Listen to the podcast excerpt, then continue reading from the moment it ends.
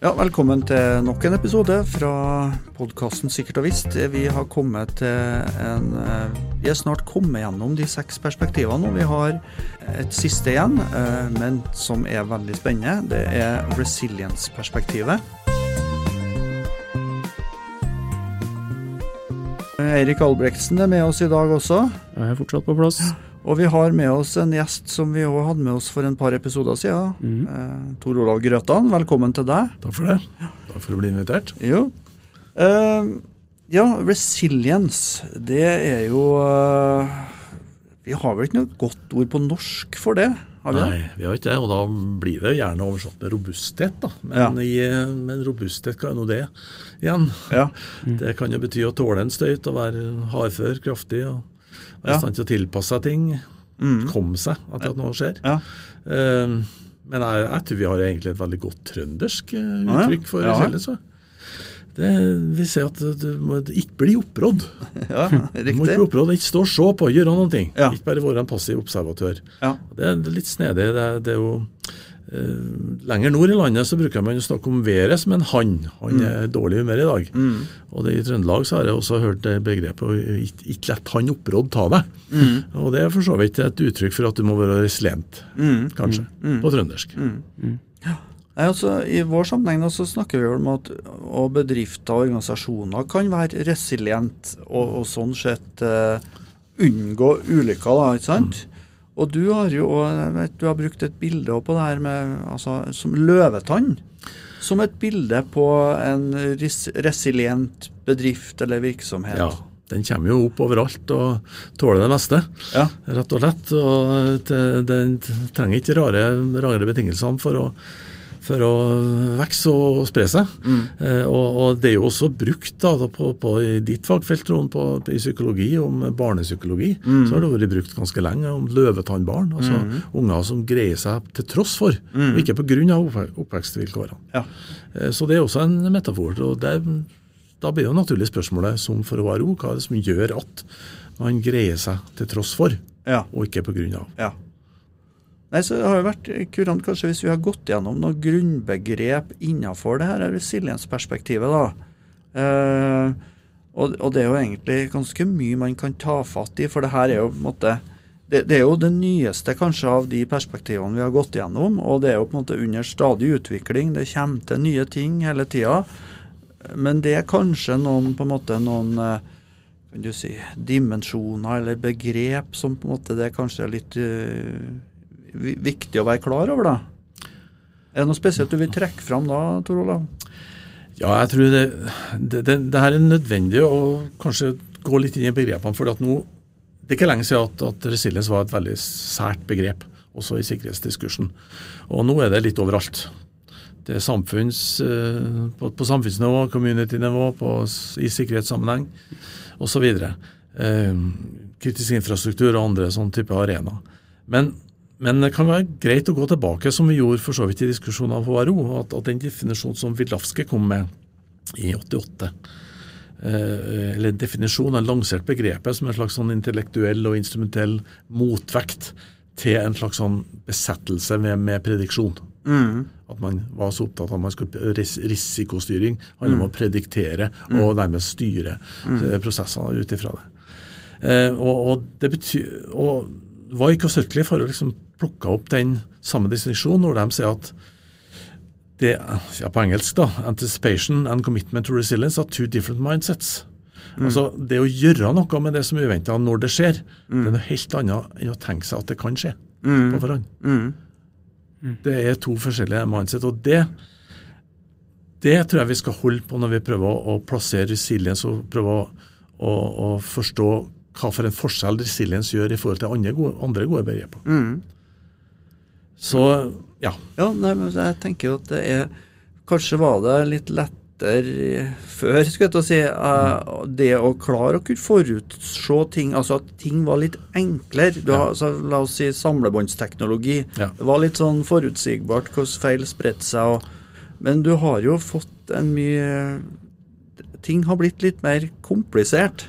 For å ikke si komplekst. Ja, ikke sant? Og, Og du da, har Vi skal kanskje ikke bruke tid på diskusjon, distinksjon mellom komplekst og komplisert, men vi kan si at det er i hvert fall blitt mer komplekst. Det er uforutsigbart. Ja, og du har fått mer teknologi. Ting henger mer sammen på, på en helt annen måte nå enn hva det gjorde før. Ja. Så da er det jo litt sånn vanskeligere, kanskje. Da, da kan jo på en måte eh, Ulykker oppstå egentlig på veldig mange forskjellige måter. Eh, og kanskje på helt nye måter som du overhodet ikke kunne se for deg kunne skje. Nei. Eh, vi har jo mange eksempler på det. Ja, det Så det. da treng, trenger du vel en annen måte å agere på enn bare på det, det å tenke scenarioer og, og se for seg hvordan eh, ting kan oppstå.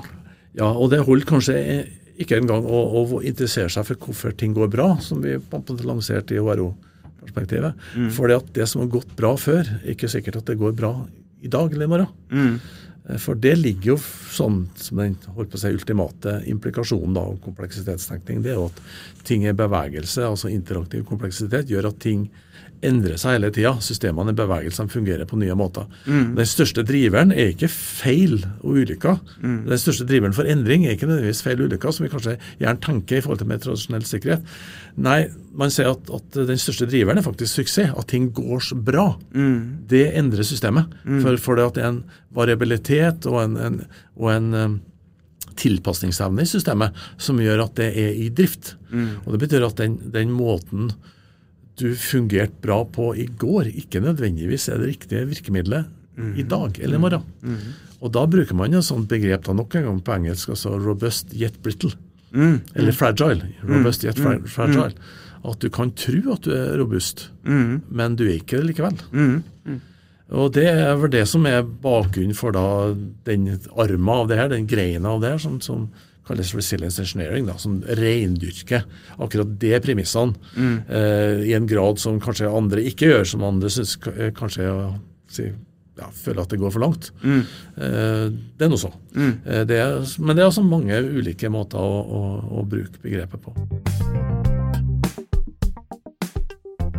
Eh, spørsmål. Nå, det vi forteller nå, så det, er det gyldig for alle typer systemer og organisasjoner, eller det er det spesielle forutsetninger som skal være på plass for at en sånn resiliens tenkning er, er på en måte gyldig? Nei, det Forutsetninga er jo at du, du har en kompleksitet i systemet som gjør at du, du erkjenner at det er i drift, at det er forandring, Ja. og at du vil oppleve øh, overraskelser. Så litt av mantraet er da nok en gang på engelsk 'prepared to be surprised'. Altså ikke forbered deg i den grad at du ikke blir overraska, som er kanskje det mer internasjonelle. Vi skal forberede oss så godt at vi blir ikke overraska, vi. Men her ser man det motsatte. at Du vil bli overraska. Ja. Og forberede deg på å bli det. Og Ja. hva, hva, hva innebærer det? Ja. Og da er, kommer sånne også, nok et slagord selvfølgelig, poised to adapt, altså være i posisjon til å være adaptiv. Være i stand til å tilpasse deg. Og den tilpasningsevnen Ja. blir fokuset. Ikke de konkrete tilpasningene du gjør, men evnen til å tilpasse deg. Evnen til å replanlegge, reallokere ressurser til å se at ting fungerer på en annen måte. Så du kan trene så mye du vil på forskjellige scenarioer, men, eh, Ja. men du er, det er på en måte den fleksibiliteten du bør trene på. Altså, ja, det er jo det som blir Eh, ideologien og det som blir meldinga derifra, hvis du legger det til grunn. Men, klart at, men er, du, er du på en måte ikke i et sånt landskap at du forventer å bli overraska, og, du mener at, du har, at ting faktisk er eh, veldig stabilt, så trenger du ikke å Da, da er det litt bortkasta energi å legge an til et resilience engineering-løp. Mm. Men så er jo selvfølgelig spørsmålet det er hvor sikker er du på at du ikke vil bli overraska? Det er et Ja. filosofisk spørsmål. Blir du overraska, ordentlig overraska, eller er du forberedt på å bli overraska? Ja. Mm. Nei, Du har jo òg noen sånne begrep som dukker opp innenfor uh, tenkninga, bl.a. det her skillet mellom safety 1 og safety 2. Eh, hvordan vil du på en måte plassere de to begrepene innenfor dette feltet, og hva på en måte ligger det i dem? Ja, det er jo Safety 2 er jo eh, resilience-versjon av safety.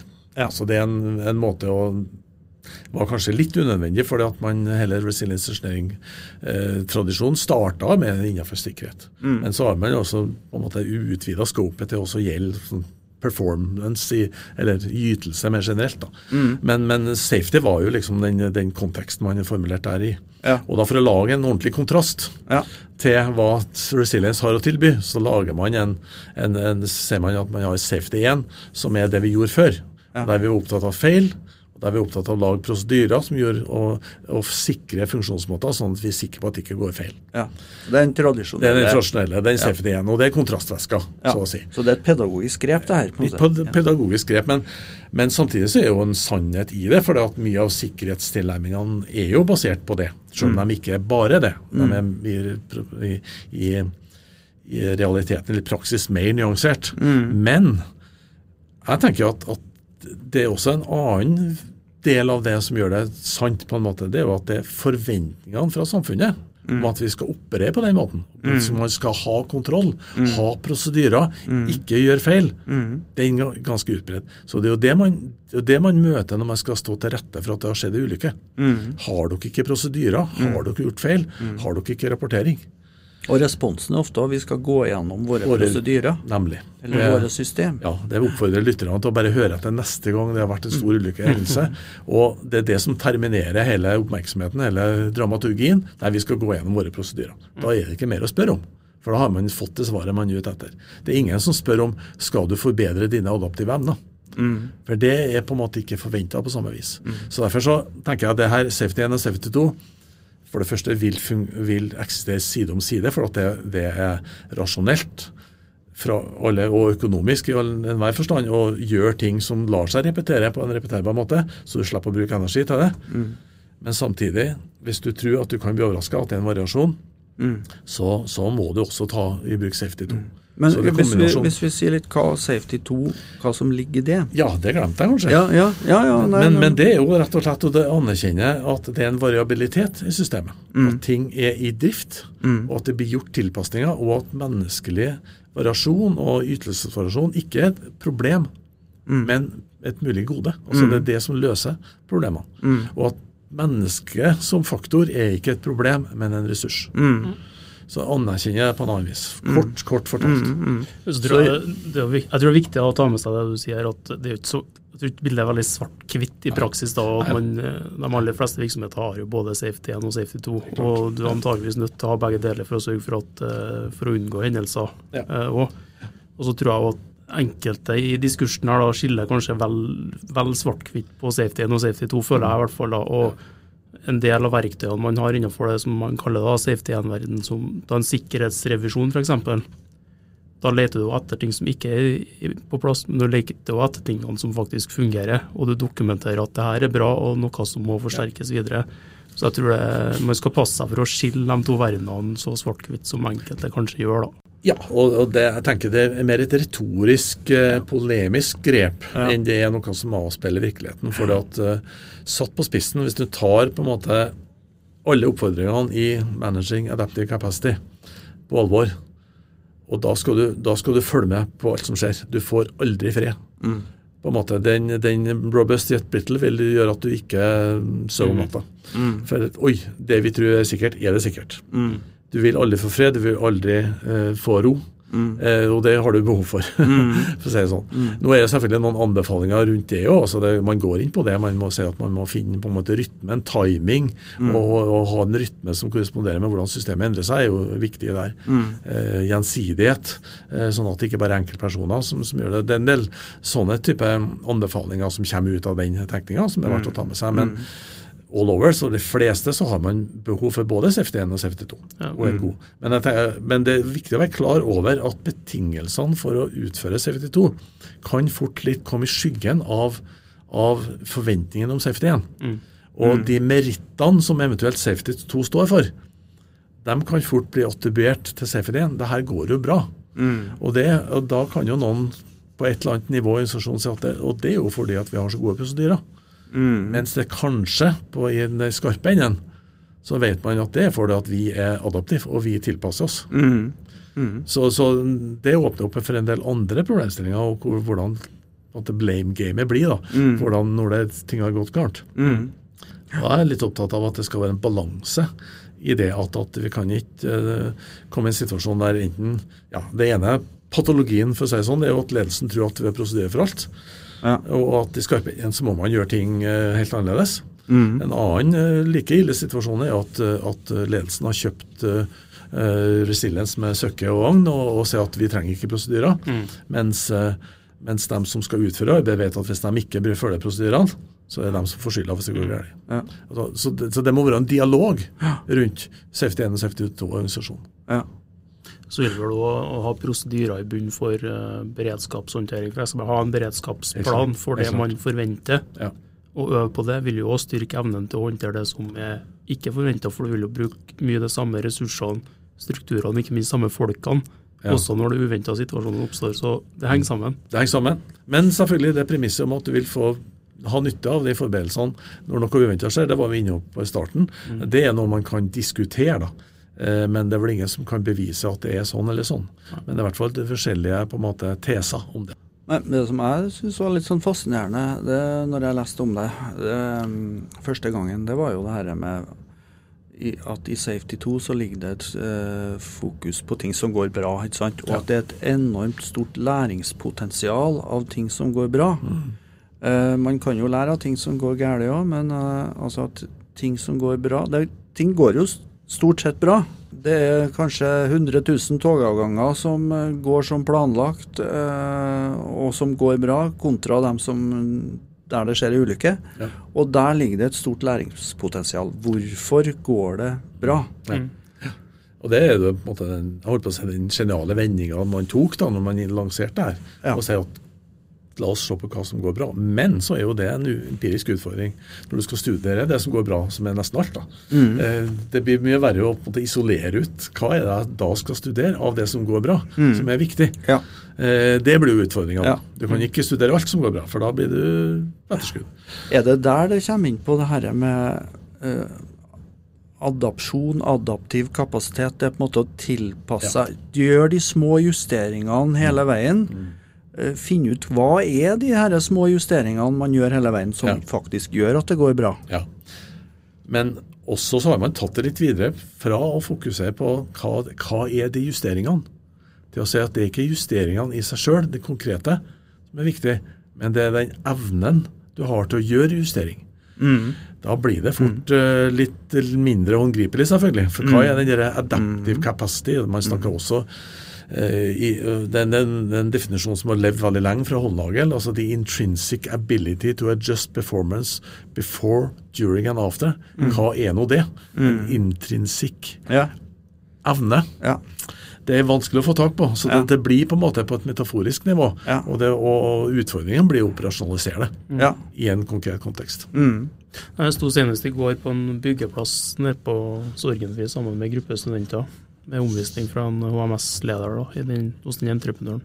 Og han sa det sånn helt uoppfordra når vi snakka om avviksrapportering for å illustrere det til studentene. og sånn. Men vi er altfor dårlige til å dokumentere det som går bra. Ja. Og da tenker jeg spørsmålet er jo altså hvilke verktøy har en praktiker for det her? Og spørsmål nummer to er jo har de tid og ressurser tilgjengelig til å, til å jobbe med det, når det er andre forventninger i, i en Ja. organisasjon? Nemlig.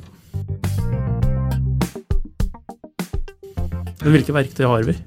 Ja, nå Det må jeg dra på. Vi har ikke så altfor mye. Mm. Eh, man har f.eks. Eh, noe man kaller Resilience Analysis Grid, som er en form for avbildning i forhold til en del sånne abstrakte abilities. da, Som man mener man skal ha. En sjekklistebasert sjekkliste på det. Det har du, Erik, vært Jeg har vært med på det. Eh, og Det er jo en måte å liksom visualisere hvor man står hen, i hvert fall, og hva man har som forbedringspotensial. Eh, det er jo alltid et spørsmål da, hva betyr det egentlig i min organisasjon å ha den egenskapen. Men den jobben må man jo gjøre. Og Så har man jo også det som kalles FRAM. da. Det er jo en egen family som jobber som driver på med det. Hva står fram for? Det sto for Functional Resonance Analysis Model.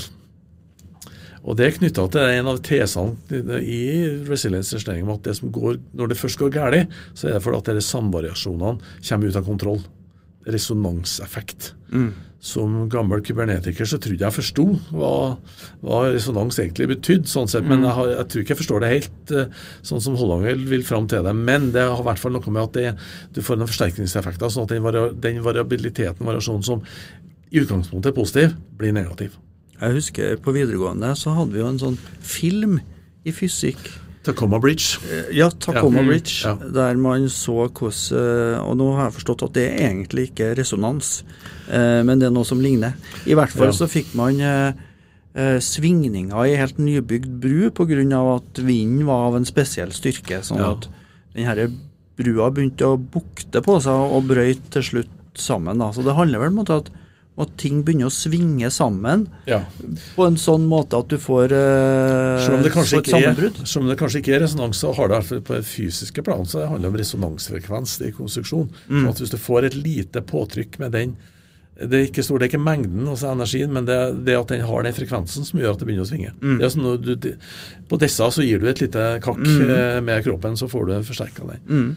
Eh, Så det er jo den type effekter man må si at er ute. Og det man gir da fram, da forsøker å gjennom å få en slags sånn funksjonell kartlegging av det som foregår i systemet, så prøver man å identifisere hvor det kan oppstå for store resonanser, og hvor, det, hvor, hvor variabiliteten skjer, hvordan du kan dempe den, hvordan du kan eventuelt innføre en ny. Mm.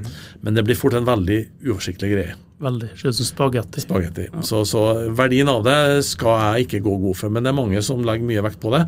Det kaltes da Functional Resonance Analysis, eh, Analysis Model. Nå kalles det Functional Resonance Analysis Method. Fordi at man eh, sier at det er en metode uten modell, eh, sier man.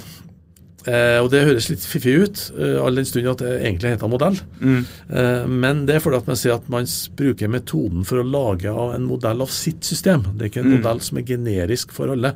Man bruker metoden for å lage en, en modell av sitt system der man skal operere sjøl. Ja.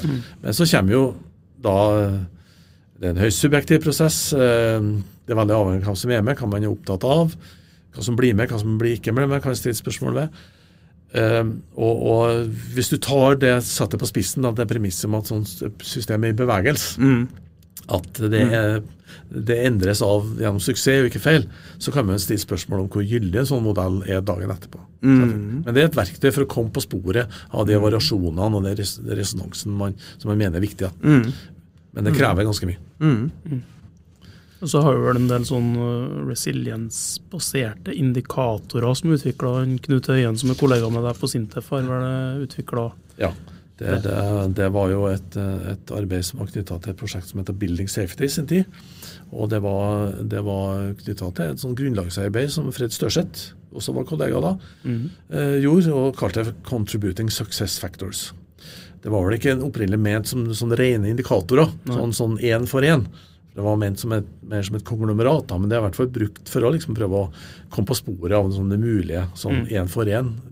Eh, eh, bidrag til resiliens. Men det er vel litt i selve teorien at det er ikke, en, det er ikke mulig å faktorisere resiliens. Det er samspillet og helheten som for så vidt teller. Mm. Men eh, ja. Det. Og så har jo også da, og det har jeg stått for, å lage en, en treningsopplegg som vi kaller Training for Operational Resilience Capabilities. TORC. Som er et, rett og slett et brettspill der man utfordrer fem-seks spillere av gangen. Som, til å, der vi lager altså et, et scenario som de er kjent med, der de har et sett av prosedyrer og regler. Hva kan er, et sånt scenario være, f.eks.? det kan f.eks. være en vedlikeholdssituasjon Ja. uh, på, et, eh, på en jernbanestasjon i Nederland klokka fem om natta. Mm. De skal skifte ut eh, på den jernbanestasjonen som, som, der alle togene går gjennom, og så velter det en kran over et annet spor. Og så har man ikke ressurser til å løfte av den krana der og da. Så hva gjør man for å få inn en ny kran i tide, så man ikke lammer hele eh, togtrafikken Ja. i, i Nederland? Ja. Så da har man laga et scenario der utgangspunktet er kjent. Eh, Du har prosedyrer og ressurser, men så introduserer du en stressord da, som, som bringer deg utafor det. Og Da må du se, da prøver du å finne hva er den adaptive kapabiliteten du har.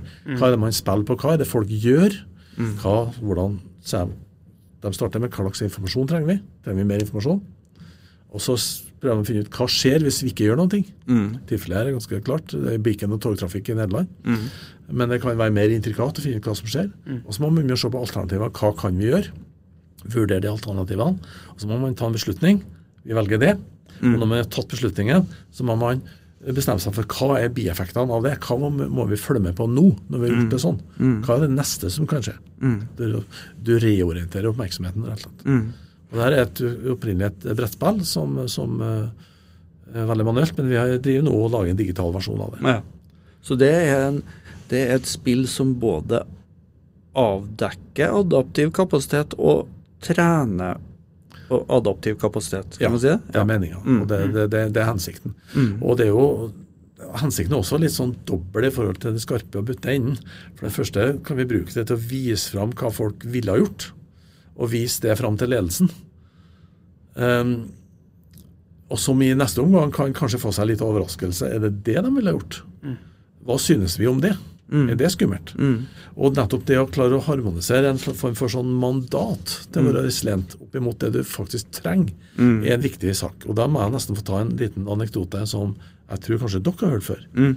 Men når det var laga grunnlaget for det spillet her, så, så var jeg så heldig å få eh, på andre sida av bordet en eh, kar fra, fra olje- og gassbransjen som hadde jobba i den bransjen i 40 år. Som var ansvarlig for å sette, forberede organisasjonen på en ny installasjon. Mm. Og jeg preka i vei om det glade budskap, det nye, det nye evangeliet om, om resiliens. Så, sånn tenker vi med sikkerhet.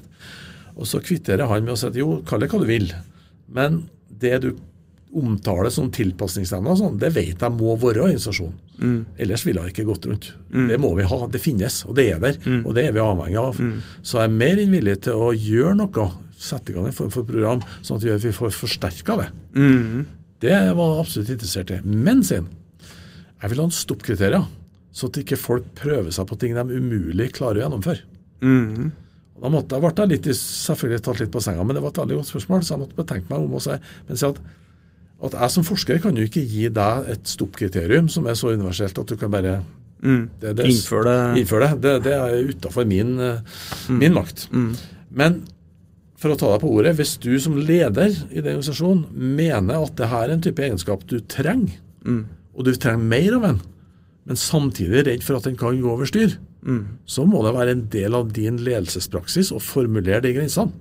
Mm. Og sette og gi dem et mandat, sånn at man slipper å komme inn i situasjonen, og slipper at noen får skylda hvis det går galt. Og Det ble på en måte bakgrunnen for at vi tenkte i det spillet at ja, la oss trene det skarpe leddet på å finne ut hva slags handlingsrom de trenger. Mm. Men la oss også trene ledelsen på å skjønne hva slags mandat de må gi, Mm. og stå for det.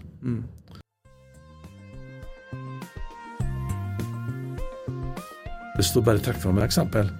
Eh, Snorra-hendelsen i 2004. Mm. Eh, fordi at der ble de jo igjen. Og plattformsjefen evakuert de fleste, men holdt igjen en liten gruppe. Og de gjorde ting de aldri hadde gjort før. De sto i en situasjon der det De var sto i en gasslekkasje. Sånn, Ja, gasslekkasje under plattformen. Mm. Og prosedyrene til Statoil var evakuer. Mm. Forlat, eh, forlat eh, plattforminstallasjonen. Men under der En ting var at det pipla gass rundt selve brønnen, som gjorde selve plattformen ustadig, og den kunne havarere. Men under der så var det jo rørledninger som gikk i alle mulige retninger. og Det var installasjoner som berørte hele felt. Og hvis den plattformen skulle dette oppå der, og det skjønte de jo, så ville det ja, det skadene og den katastrofen der vi, kan vi nesten ikke tenke oss, antagelig. Så de gjorde jo, og plattformsjefen, men også de som var med, gjorde den beslutningen. Vi prøver likevel. De greide det akkurat. Mm. Det var på håret. Mm. Men de hadde brutt prosedyrene, og det ble ikke egentlig veldig godt mottatt i Statoil. For man har gått for langt. Mm. Og den plattformsjefen slutta. Mm. Eh, Det kjenner jeg ikke til alle detaljene rundt, men det er det store bildet. Mm. Så det er en, en sånn altså, Men man hadde en vilje, det var noe som sto på spill, og man gjorde det. Men det tror jeg er også en viktig del av, av resilience. Det er ikke nødvendigvis bare en sånn mekanisk gjenoppretting til et eller annet sånn funksjonsnivå. Det er noe som handler om å, å ville på en måte oppnå noen ting, vil overleve. Mm. Eh, vil se forbi det umiddelbare. Eh, kan få trekke en annen parallell som kanskje er litt drøy, men, men kanskje illustrerer poenget. Eh, vi så jo hva som skjedde i Afghanistan. De styrkene der var visstnok veldig mange. Det kan man selvfølgelig stille spørsmålstegn ved hvor mange de faktisk var. Men de var trena, de hadde utstyr. I militær sjargong så hadde de kapasiteter som langt overgikk motstanden. Men de hadde ingen vilje, de så ikke noe poeng i å slåss. Mm. Og Hvis du da sammenligner med England 1940, når vi ser til studentene Dere vet vel hva Churchill sa våren 1940? Så vet de jo selvfølgelig ikke det. Eh, Men eh, vi er vel såpass gamle, noen av oss, at vi har hørt om det. Men det Churchill sa, ikke sant, det, det var en meget grim situasjon. Alt var på en måte tapt. Eh, de har tapt på kontinentet, de sto alene. Men den talen der han sier 'we will fight them on the beaches', 'we will fight them in the streets', 'we will never surrender'. Altså, det er jo en sånn spirit. Vi gir oss aldri. Vi skal greie det her. Mm. Det er jo selvfølgelig mange Bildet var nok ikke så svart-hvitt, men det er en helt annen vilje til å lykkes enn når du har en overlegen styrke som ikke ser noe poeng. Og det er også en del av resiliensbegrepet. Jeg tenker at Det er ikke bare en sånn mekanisk gjenoppretting og, og sånn, som ikke koster noen ting. Resiliens er ikke et komfortabelt sted å være, Mm. Nei, skjønner. Nei, for da er du, du er jo litt tilbake til det her med at, uh, at det ikke skal bli oppråd. Altså, det handler mye om det, handler om det man gjør. Ja. Eh, Ikke det man har. I, I motsetning til HRO, kanskje, der det handler om hvilke egenskaper man har, ja. eh, som er mer passiv, for å Det si det sånn. mer en sånn ja. ressurs, ja. Det er litt å lese det sånn, i hvert fall. Ja. Mm. hvis en skal være litt sånn eh, kritisk til resilience, altså det har, har kanskje vært litt sånn utsatt for kritikk, og det her er på en måte perspektivet. Ja. Eh, nå er jo kanskje du litt inhabil, eh, Tor Olav, for du er jo midt oppi det. Nei, jeg liker nå å tro at jeg har nok distanse til at jeg ikke Ja, Du føler ikke være- deg som en disippel? Nei, jeg si. gjør ikke det. Eh, jeg sa at jeg på et tidspunkt hadde preka evangeliet om resilient, så gjør jeg ikke det lenger. Nei. Hva syns du er svakhetene med denne måten å tenke, tenke sikkerhet på? Nei, det, Den fremste svakheten er vel at, at det er veldig systemorientert. Mm. Systemtenkning. Ja. Eh, Sosioteknisk system. og Det er mange styrker med det. Men, men eh, det, blir, det glir veldig litt ut i at det, det sosiotekniske system er det samme som en organisasjon. Som samfunn. Så, så Sånn sett har ikke teorien magamål, for å si det på trøndersk. Det er ikke grenser for hva man kan adressere. Det, det, det er nå det ene. Ja. Uh, og at man kanskje underspiller det det, det, det koster. Selv om det har kommet mer etter hvert. Det synes jeg en, en person som David Woods eh, poengterer mer og mer. og At det handler om menneskelig initiativ, gjensidighet, og at det har en kostnad. Eh, og så har man ikke noe språk for organisasjon. Altså Alt er et systemspråk Ja. og mye kognitive begreper. Ja. Sånn at det er ikke noe språk på organisasjonen. Nei, Så det er ikke så lett å overføre til en arbeidssammenheng? Nei, Nei det, det er ikke det, og i hvert fall ikke til ledelse og organisering. Så hvordan du skal plassere inn liksom, resilience i ditt organisatoriske repertoar eh, Det var jo nærmest lykketreff at jeg traff på den lederen da, fra oljebransjen som sier at ja da, jeg skjønner hva du mener og jeg er villig til å gjøre noe med det. Men vi kom ikke så langt, egentlig, av ulike omstendigheter. Men, men jeg tror det er vanskelig å, å gjøre det også. Men det er ikke en annen litt sånn kritikk her, og tilbake til da han eh, som satt på andre sida av bordet til deg, sa at det er sånn vi gjør det. Og så er ikke veldig mye av den eh, forskningslitteraturen på resiliens egentlig bare sunn fornuft som er satt i litt system. Noe av det er det. Eh, Og det er dessverre sånn at veldig mye av litteraturen på resilience sier at den bruker resilience engineering, og så name-dropper man Håndlaget eller buds, og så snakker man i vei om noe helt annet ting, og ikke forholder seg til de begrepene. Eh, Men da er jo selvfølgelig utfordringa at, at, at eh, jeg skjønner f.eks. at David Woods blir lei av å snakke om resilience fordi at det blir brukt i så mange sammenhenger, og foretrekker å spisse det på adaptive capacity. Og da kommer du inn på sånne begreper som ikke er helt enkelt graceful extensibility. Ja, Sustained si, adaptability. ja, hvordan kan man si Det der er jo viktige begrep, egentlig. Det er jo viktig. Det er gode begrep, men de er sannelig meg ikke enkle å forklare. Kanskje heller ikke å forstå. Eh, men, men et forsøk, altså at graceful extensibility, handler om at du er på en måte Du må være forut på, på grensa av det du klarer. Og du må være i stand til å utvide repertoaret til tross for at det gjør vondt. Men på en sånn måte som ikke rammer noen annen del av systemet. Det er ikke noe sånn det er ikke noe, noe, noe, noe kurhotellopphold der du, du hviler deg og går på tur og spiser god mat. Nei, du er på grensa hele tida. Men du må jo utvide med verdighet. Altså, Ja, nemlig med verdighet. Ja, ja. graceful. Og Ja. det spiller jo på det med graceful degradation, da, som er et Ja. begrep vi har brukt i mer tradisjonell Ja. sikkerhet. Liksom, å Gå ned på en verdig måte når du ja, feiler. så det spiller på det.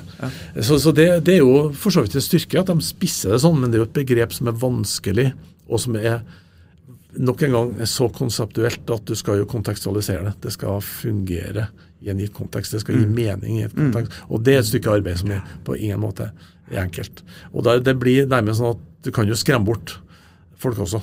Og hele det premisset om at, om at du skal Du kommer til å gjøre feil, men vi er interessert i måten du håndterer feilene på. Den er forskningsmessig akademisk interessant og god. Men når du tar med det til en bedrift som har vært utsatt for et hackerangrep, og som har fått masse negativ medieomtale om det, så er det vanskelig å ut ifra sånn omdømmehensyn å få den bedriften opp å si at ja, det her handler om at vi bestandig vil, vil være utilstrekkelige, men men vi skal se på hvordan vi møter vår utilstrekkelighet. Nei, du blir nødt til å si at vi har kontroll. Du får ikke lov av, av eh, PR-avdelinga til å si at det her handler om at vi egentlig ikke har kontroll, men vi tar kontroll. Og der, der har man en, en Stemmer det ikke med, med, med hvordan ting fungerer i virkeligheten. Nei. Så det blir satt uh, vel mye på spissen. Sånn jeg. Øh, Kanskje et begrep som vi ikke har tatt tak i ennå, det er med resilience engineering. Vi har snakka om det flere ganger, men vi har kanskje ikke forklart helt hva, hva det er Nei. for noe. Det er i hvert fall ikke engineering i vanlig forstand. Nei. For det er mer safety igjen. Mm. Nei, det, det forklares med at, at det er engineering av et system som fungerer adaptivt. Mm. Og så liksom få fram den adaptive evnen. Og som, som jeg sa tidligere, som gammel tidligere foranværende kybernetiker, så burde jeg vært glad for, for at de sier at det er en engineering i en kybernetisk forstand. Mm.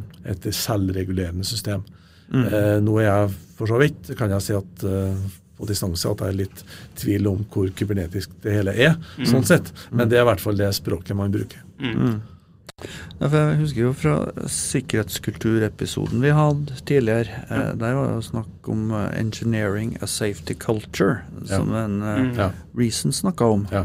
Og da hadde han jo på en måte noen byggesteiner, da, kaller det. Hvordan man kan måtte, bygge en god sikkerhetskultur. Ja.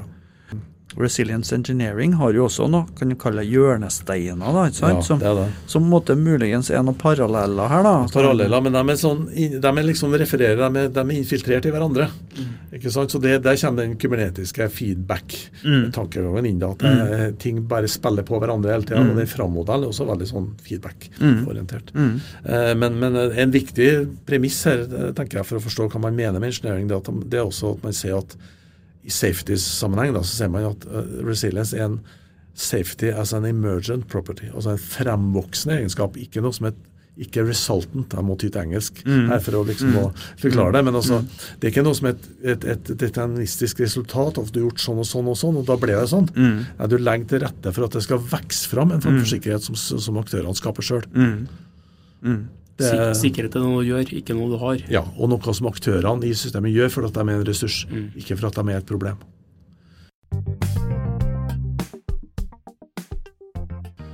Og Da er vi for så vidt tilbake på også i forhold til kritikk her eh, av, av eller Safety 1 Safety 2. Det har jo kommet kritikk fra Nancy Levison, som, som var med og skrev den første boka mot Holdhagel.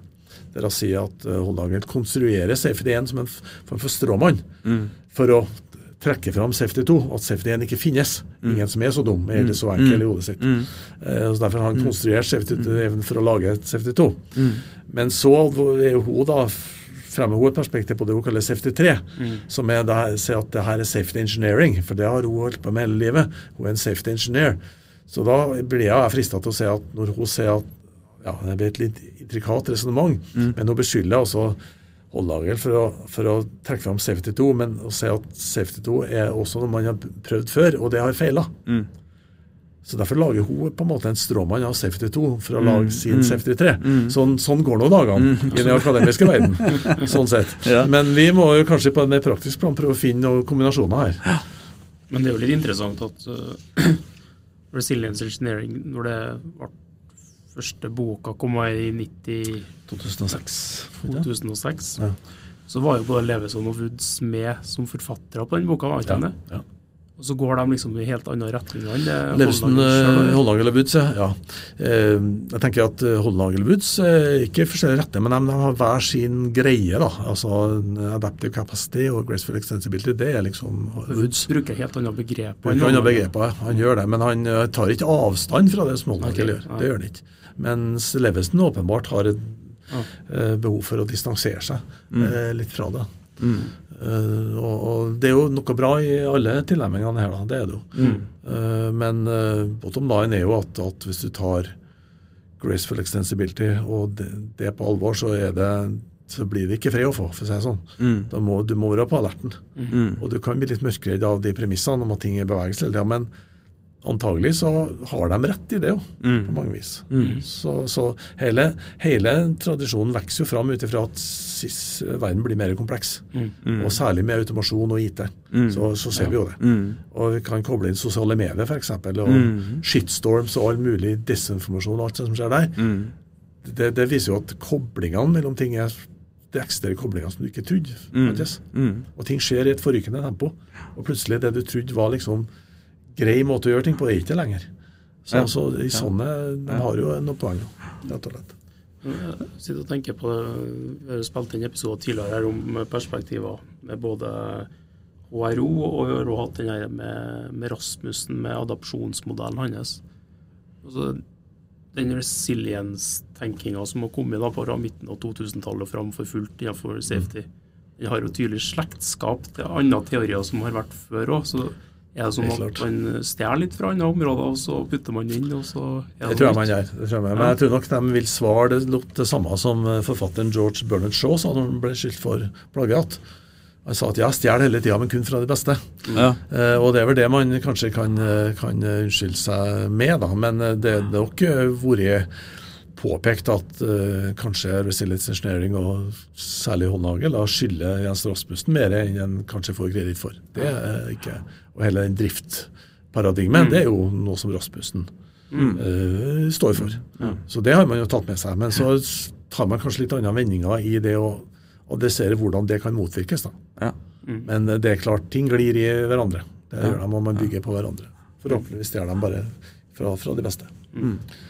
Jeg tenker at det, altså det kanskje bærer det preg av å være et litt sånn nytt perspektiv. Altså det er jo den som har kortest tradisjon innenfor de seks i, i rapporten. Ja.